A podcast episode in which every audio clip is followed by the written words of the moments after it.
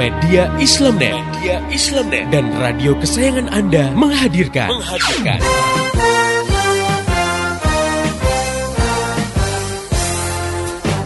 Voice of Islam, Voice of Islam, Voice of Islam. Di satu sisi diyakini bahwa perbuatan judi dan semua bentuk kemaksiatan itu diharamkan oleh Islam. Itu juga banyak yang sudah tahu. Namun di sisi lain, umat Islam sendiri tidak memiliki kemampuan untuk melarang kegiatan seperti itu. Karena sebenarnya kalau orang paham Islam, maka tidak akan dia punya pendapat wanita harus bekerja karena Islam tak pernah mewajibkan wanita untuk bekerja. Yang wajib bekerja itu laki-laki hmm, karena mereka iya. wajib menanggung nafkah keluarganya.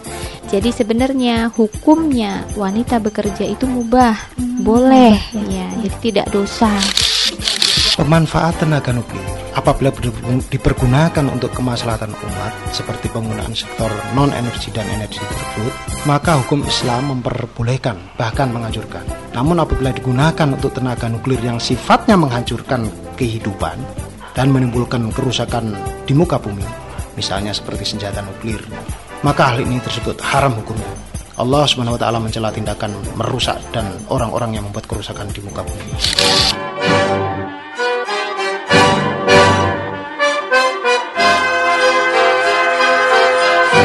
Voice of Islam. Voice of Islam. Voice of Islam.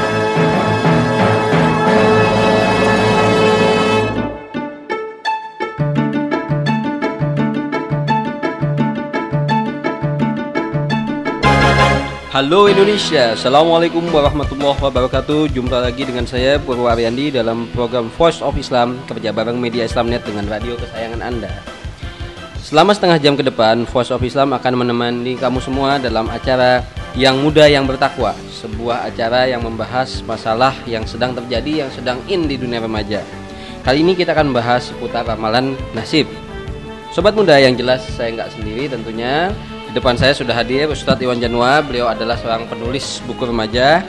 Baik kita sapa dulu beliau. Assalamualaikum Ustadz. Waalaikumsalam warahmatullahi wabarakatuh. Bagaimana kabarnya? Alhamdulillah. Yang bisa kita lihat, sobat muda sekalian, bahwa banyak remaja, mungkin juga di antaranya kamu, senang sekali dengan yang namanya ramalan. Baik ramalan bintang atau ramalan-ramalan lainnya. Ramalan tangan atau misalnya ramalan macam-macam. Kenapa? Karena kamu seolah-olah tuh pengen tahu apa yang akan terjadi dengan kamu. Siapa jodoh kamu asmara kamu gimana hari ini bagaimana keuangan kamu bagaimana kesehatan kamu dan lain sebagainya. Dan jangan salah ramalan itu bahkan sudah merambah tidak hanya di koran-koran di majalah bahkan juga di stasiun televisi. Itu sudah banyak yang menayangkan acara ramal-meramal. Dari mulai meramal dengan zodiak atau bahkan sampai mendatangkan seorang ahli ramal baik yang dengan gaya Eropa, gaya Timur, atau dengan gaya lokal. Bisa dipilih, silahkan pilih. Dan juga ramalan ini sudah merambah juga sampai ke dunia ponsel. Kamu tinggal rek spasi anu, kirim ke sekian sekian sekian, kamu akan menerima ramalan kamu. Bahkan sampai seperti itu. Nah, kamu bisa lihat bahwa yang namanya ramal-ramal itu remaja banget kamu jangan-jangan kamu juga di antara salah satu di antaranya. Oke, sobat muda, kita akan bahas mengenai dunia ramal meramal ini setelah yang satu ini tetap bersama saya dan Ustadz Iwan Januar. Setelah satu lagu berikut ini tetap di Voice of Islam. Obat hati ada lima perkaranya. Yang pertama baca Quran dan maknanya.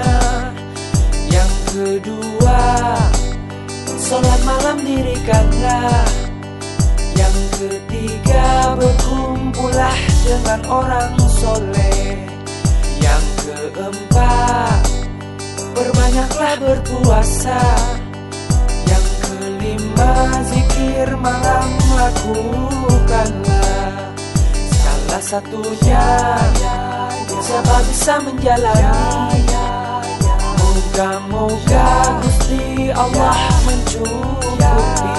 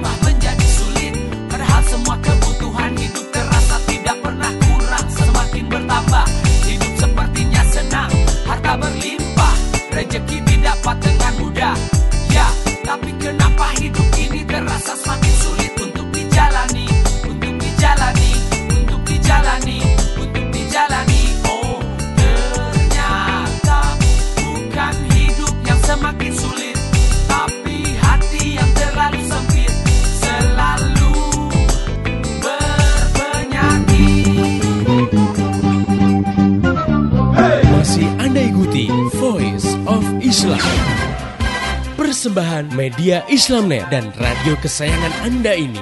Voice of Islam. Voice of Islam. Voice of Islam.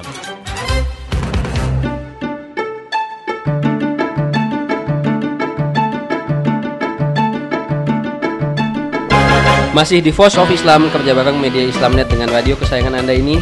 Sobat muda, saat ini kita bersama berada dalam rubrik yang muda yang bertakwa dan kita akan bahas mengenai dunia ramal-ramal, dunia nasib-menasiban gitu. Nah, saya Bapak Aryani dan Ustadz Iwan Januar tentu akan eh, menemani kamu semua dalam acara ini hingga setengah jam ke depan. Ustadz, kenapa sih sekarang ini banyak orang nggak cuma sekarang kayaknya deh dari Dari zaman dulu. dulu, Mm-mm, betul. orang tuh seneng banget dengan yang namanya ramalan Iya. apa pun bentuknya Nah, karena apa? Karena tadi mereka kan penasaran soal nasib ya. Dari mulai masalah asmara, masalah keuangan, masalah kesehatan, pengen tahu banget gitu. Nah, cuman keingin tahunya ini ternyata dipenuhi dengan cara-cara yang gaib. Nah, gaib di sini dalam arti kata sesuatu yang nggak logis gitu ya dan nggak rasional. Misalkan percaya sama ramalan bintang, percaya sama ramalan dukun, percaya sama yang namanya eh, garis tangan. Wow, ini kamu garis karirnya bagus nih. Wah, kalau kamu, wah ini garis tangan cocok jadi kuli, gitu ya. bagus buat nabok orang Ah, itu kan. Ah, sampai juga ada namanya meramal ini lewat tulisan tangan. Nah, kalau tulisan tangan seperti ini, tanda tangan seperti ini akan begini gitu ya. kan nggak bisa terbaca Mm-mm, katanya gitu ya.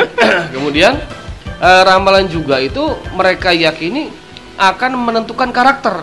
Wah katanya kalau Leo orangnya itu keras, wah tegas. Kalau Pisces begini, kalau Sagittarius seperti ini, begitu kan. Jadi selain menentukan nasib seseorang di masa depan, juga katanya menentukan karakter yang ada pada mereka. Ya, bahkan di beberapa nah, suku bangsa kan kalau perjodohan pun ditentukan oleh kecocokan eh, karakter yang dibangun lewat entah itu yang namanya bintang, yang namanya sio atau segala macam. Jadi mereka itu ingin mencocok-cocokkan seperti itu di antaranya untuk nasib dan juga untuk katanya karakter karena nanti karakter juga menentukan pasangan hidup dan segala macam. Nah, padahal nanti kita akan lihat seperti ini masuk di akal nggak sih gitu kan? Itu jadi kenapa penasaran masa masalah nasib. Siapa sih nggak pengen nasib masa depan yang cerah kan? Nah, kalau su masa depan suram, nah amit amit. Nah supaya mereka tahu akan cerah, mereka mencari tahu lebih dulu sebelum terjadi lewat ramalan para bintang, ramalan dukun dan lain sebagainya. kalau kita lihat bahwa manusia itu penasaran banget dengan yang namanya nasib nah kalau dalam Islam yang namanya nasib misalnya Iya. jodoh rezeki mereka musibah itu sebenarnya ada di tangan orang sendiri orang itu sendiri atau memang sudah ditentukan Allah Nah, ini yang menarik ya.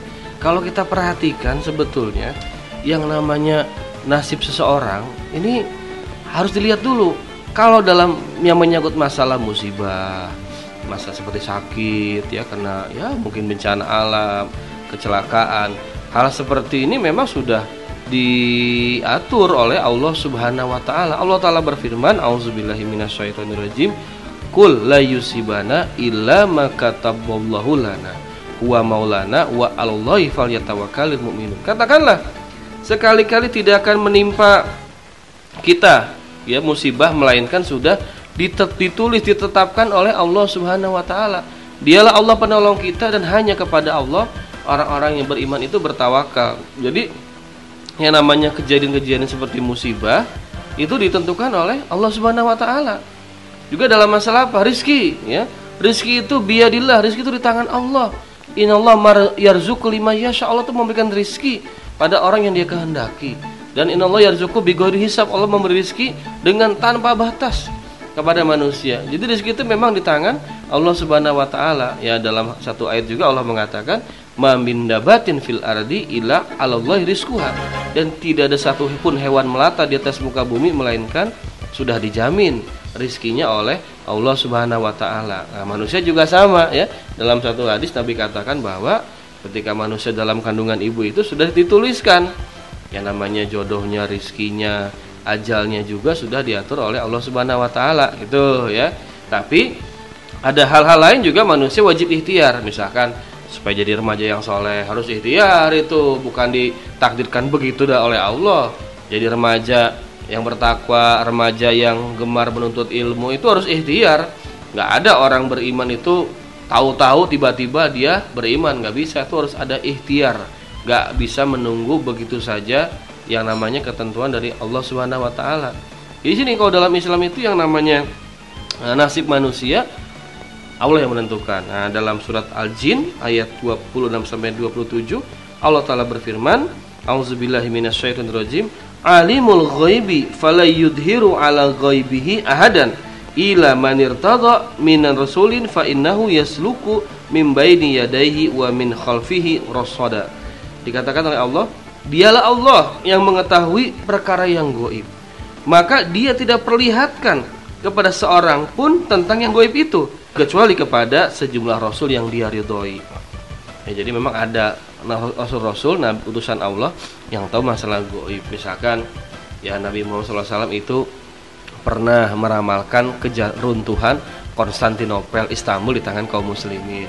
Itu bukan karena Rasul tukang ramal, tapi diberikan wahyu, diberikan pengetahuan oleh Allah Subhanahu wa taala gitu. Selain Rasul siapa lagi? Juga dia Allah yang menjadi mengadakan para penjaga-penjaga malaikat di muka dan di belakang. Jadi sini yang tahu masalah gaib itu Allah. Allah juga katakan dalam ayat yang lain, auzubillahi minasyaitonirrajim, wa indahu mafatihul ghaib la ya'lamuha illa huwa. Dan hanya pada Allah lah kunci-kunci masalah yang gaib. Tidak ada yang tahu kecuali hanya Dia Allah Subhanahu wa taala. Nah, dalam Islam yang namanya manusia termasuk bangsa jin juga tidak mengetahui masalah yang goib. Kok bisa pak? Jin nggak tahu masalah goib kan jin makhluk goib. Nah ini kejadian di zaman Nabi Sulaiman alaihissalam. Pada waktu Nabi Sulaiman itu wafat, itu kan sedang sedang mengawasi pembangunan e, istana pada masa beliau hidup begitu. Sambil ber apa namanya ditopang oleh sebatang tongkat. Ternyata sebetulnya sudah lama wafat. Hanya itu para anak buahnya yang terdiri dari manusia, jin itu nggak tahu kecuali ketika tongkatnya sudah habis dimakan rayap, Nabi Sulaiman jatuh, baru mereka sadar bahwa Nabi Sulaiman sudah wafat. Jadi bangsa jin pun tidak tahu masalah yang goib. Ya, jadi kalau jin aja nggak tahu, ya manusia apalagi yang bukan goib. Ya, jadi kalau dikatakan ada orang yang tahu masalah goib, kayaknya nggak mungkin lah ya, ya karena Allah sudah bilang hanya pada Allah lah kunci-kunci masalah yang goib. Oke sobat muda, kita ternyata yang namanya goib-goiban itu, yang namanya ramal-ramal adalah satu yang menarik. Nah, bagaimana pandangan Islam tentang hal ramal-meramal? Nah, sekarang kita minta Ustadz menjelaskan bagaimana sebenarnya Islam memandang tentang ramal-meramal. Wah, ya ini menarik ya. Kalau ramalan cuaca boleh. ya, karena kalau ramalan cuaca kan berdasarkan kondisi alam ya. Ini bagaimana apakah awannya seperti apa, kondisi juga kelembabannya seperti apa itu bisa dan itu boleh karena menyangkut sesuatu yang ilmiah, menyangkut sains begitu. Tapi kalau sudah meramal masalah yang goib, nah ini dikatakan oleh Allah Subhanahu wa taala dalam surat Al-Isra ayat 36, auzubillahi minasyaitonirrajim.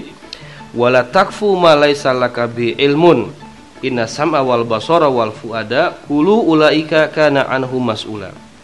Artinya, dan janganlah kamu orang-orang beriman mengikuti sesuatu yang kamu nggak punya pengetahuan tentang hal itu. Kan yang goib itu manusia nggak punya pengetahuan. Bagaimana sih nasib saya lima tahun ke depan? Gak ada yang tahu. Ya, maka jangan diikuti kalau ada orang mengatakan, oh kamu lima tahun lagi bakal bertambah umurnya. Betul kalau itu. Ya. Jadi kalau dibilang kamu nanti bakal mati, ya nggak ada yang tahu. Ya, kan sering ya orang jangan kan dukun ke dokter aja gitu. Oh, kata dokter, wah ini umurnya paling tinggal sebulan lagi. Ternyata ya seminggu udah meninggal misalkan gitu ya atau dua bulan lebih panjang eh, dokter aja nggak tahu secara medis apalagi ini menyangkut masalah yang goib jadi ditegaskan oleh Allah jangan ikuti sesuatu yang nggak punya pengetahuan tentang hal tadi ditambah lagi kalau kita mendatangi wah yang namanya dukun mendatangi yang namanya juga apa uh, paranormal ya jadi di atas kenormal karena paranormal gitu ya atau juga percaya pada bintang, pada hujan. Dulu orang-orang Arab di masa jahiliyah itu percaya kepada namanya tatoyur. Jadi ada nasib sial kalau ada burung atau pada hujan. Nah, ini dalam sebuah hadis Imam Bukhari Muslim dikatakan oleh Nabi SAW bahwasanya ya ada orang-orang yang percaya kepadaku kepada Allah maksudnya dan percaya kepada hujan begitu. Jadi mereka kemudian mengatakan asbaha min ibadi mu'minun bi wa kafirun. Fa amma man qala mutrina bi fardillah wa rahmatihi fadzalika mu'minun bi kafirun bil kawakib. Wa amma man qala mutirna bi nu'i kadza wa kadza fadzalika kafirun bi mu'minun bil kawakib yang artinya ada di antara hamba-hambaku kata Nabi ya berdasarkan uh, wahyu dari Allah Subhanahu wa taala itu yang beriman kepadaku tapi juga ya dia ingkar begitu. Nah, orang yang mengatakan misalkan ya bahwasanya ya kami mendapatkan hujan ini karena anugerah dan rahmat dari Allah. Orang yang bilang begitu berarti sudah beriman kepada Allah Subhanahu wa taala dan ingkar terhadap bintang kawakib. Jadi zaman dulu udah ada dari dulu ramalan bintang itu ya. Sebaliknya kata Nabi juga orang yang berkata, "Wah, saya dapat hujan ini karena bintang ini dan itu." Nah, kata Nabi, orang itu berarti ingkar kepada Allah dan lebih percaya kepada bintang-bintang. Ini berarti diharamkan kita itu percaya kepada ramalan bintang ya. Bintang Anda minggu ini misalkan gitu ya keuangan, kantong kering, asmara putus, ya, kesehatan, diare. Wah, tuh kalau percaya aduh tuh alamat udah dapat dosa besar gitu. Ditambah lagi kalau uh, datang kepada dukun-dukun. Ada sebuah hadis khusus ya, hadis khusus yang membahas masalah perdukunan. Nabi SAW mengatakan, "Man ata arrafan au kahinan fasaddaqahu bima yakulu faqad kafara bima unzila ala Muhammadin SAW." Nabi mengatakan, Siapa yang mendatangi tukang ramal atau dukun Kemudian ia membenarkan Mengakui apa yang dikatakannya itu Maka sungguh ia telah ingkar terhadap apa yang sudah diturunkan kepada Muhammad SAW Artinya kafir. Jadi kalau orang percaya pada ramalan dukun, bintang Aduh Masya Allah jatuh pada perbuatan dosa besar begitu ya. Dalam hadis lain Nabi juga katakan Man ata arrafan fasodakohu bima yakulu lam tuqbal lahu salatan arba'ina yauman. Kata Nabi, siapa yang datang kepada tukang ramal atau dukun lalu ia mengakui membenarkan ucapannya, salat orang itu tidak akan diterima oleh Allah selama 40 hari.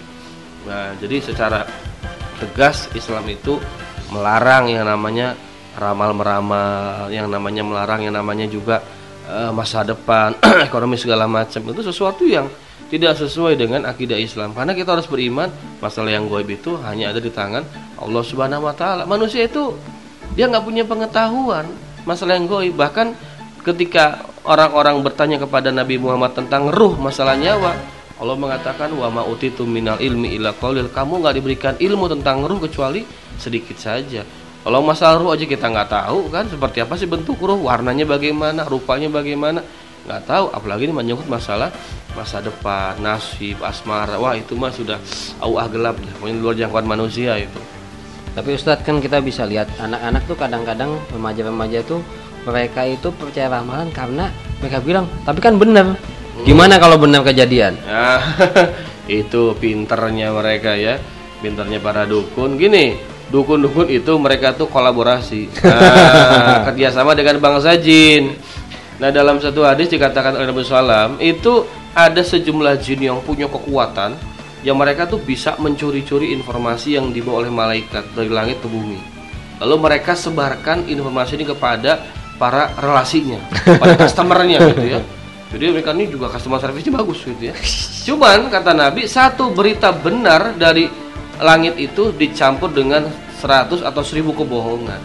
Jadi kalau pas betul kebetulan gitu. Kan banyak nggak betulnya ternyata. Ya.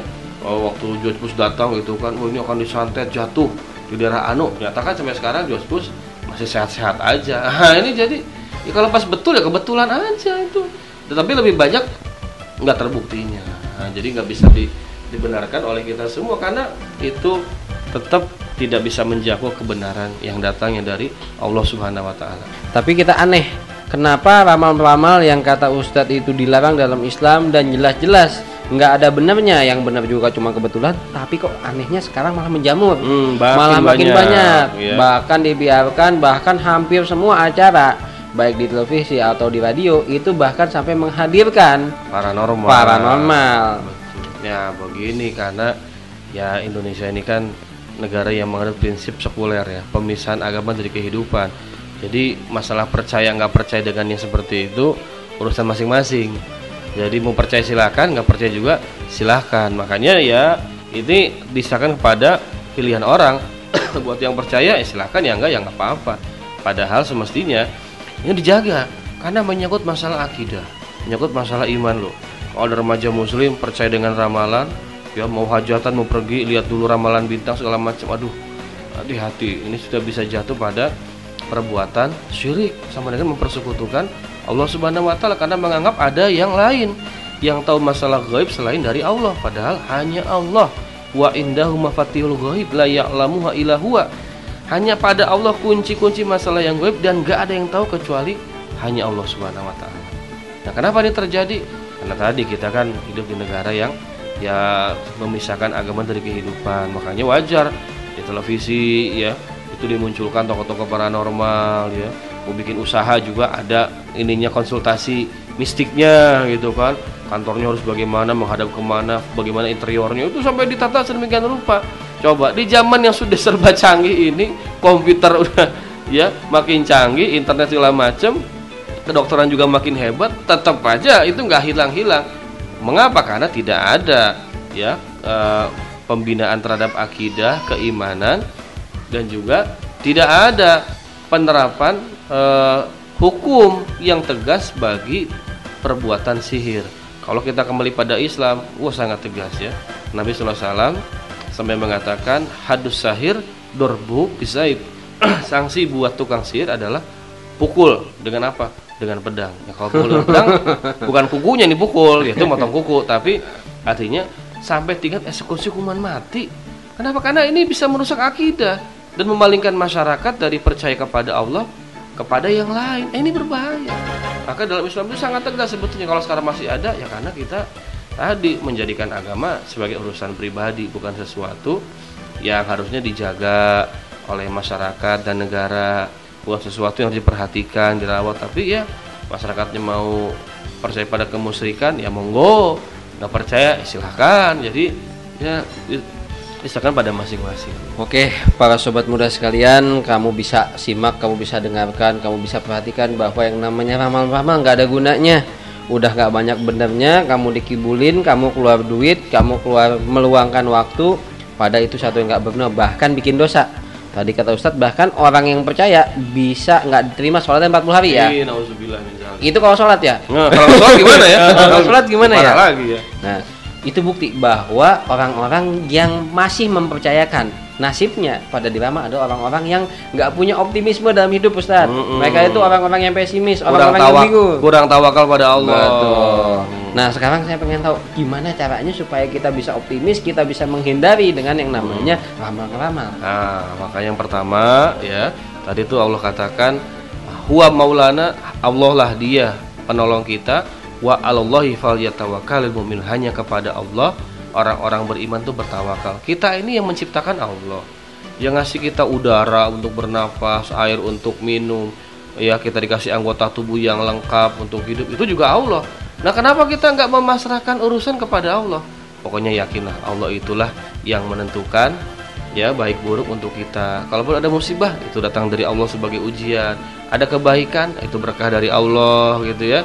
Maka yang pertama harus dikokohkan dulu akidah kita. Yakin bahwa baik buruk itu Allah yang menentukan. Yang penting manusia ikhtiar. Maka langkah kedua terus ikhtiar sebagai muslim remaja muslim kudu cerdas mengkaitkan antara sebab dengan musabab. Kalau ingin lulus ujian, belajar dong yang giat. Ikut bimbingan belajar, koleksi juga soal-soal ya untuk ujian itu kan agar jadi dipelajari. Bukan malah datang ke dukun. Belajar enggak datang ke dukun. Hanya yang belajar dukunnya gitu ya. Jadi harusnya ikhtiar juga dilakukan. Dan yang ketiga perbanyak berdoa minta tolong kepada Allah. Toh dalam suratul fatihah kita kan diajarkan iya karena budu wa iya karena stain. Hanya kepada kamu ya Allah pada engkau kami menyembah. Dan hanya kepada engkau ya Allah kami meminta pertolongan. Jadi minta tolong only hanya kepada Allah Subhanahu wa taala. Jadi ketiga ini perbanyak doa ya, mohon bantuan pertolongan dari Allah karena hanya Allah bisa membuka masalah-masalah kita, Allah juga yang bisa menyelesaikan masalah-masalah kita. Oke sobat muda sekalian kita juga bisa menampung usulan-usulan kamu. Usulan baik usulan-usulan publik atau usulan-usulan pembahasan. Kita bisa menampung yang dari kamu apa yang menjadi permasalahan di kamu semua. Silahkan kirimkan surat ke radio-radio kesayangan anda ini atau kamu juga bisa kirim melalui SMS ke 0856 9492 4411 atau kamu juga bisa kirim email ke kita ke yaitu mediaislamnet@yahoo.com saya Purwa Ariandi dan seluruh kerabat kerja yang bertugas mengucapkan terima kasih kepada Ustadz Iwan Januar. Sama-sama. Terima kasih juga kepada kamu-kamu semua yang setia mendengarkan acara ini. Pesan saya sampaikan apa yang kamu dengarkan ke teman-teman kamu semua. Insya Allah itu akan menjadi pahala bagi kamu semua. Dan besok hari, insya Allah Voice of Islam akan hadir kembali di waktu yang sama dan gelombang yang sama. Mari menimbang masalah dengan syariah. Assalamualaikum warahmatullahi wabarakatuh.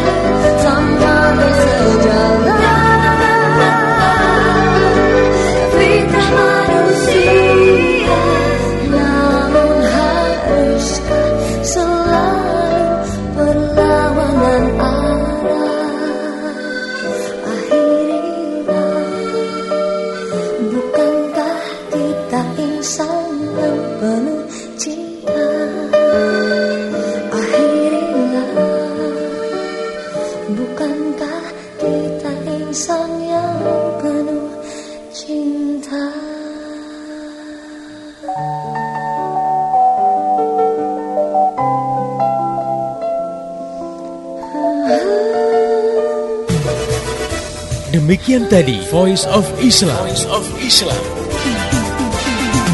Semoga hikmah yang terkandung bermanfaat untuk kita semua. Amin amin amin ya robbal alamin.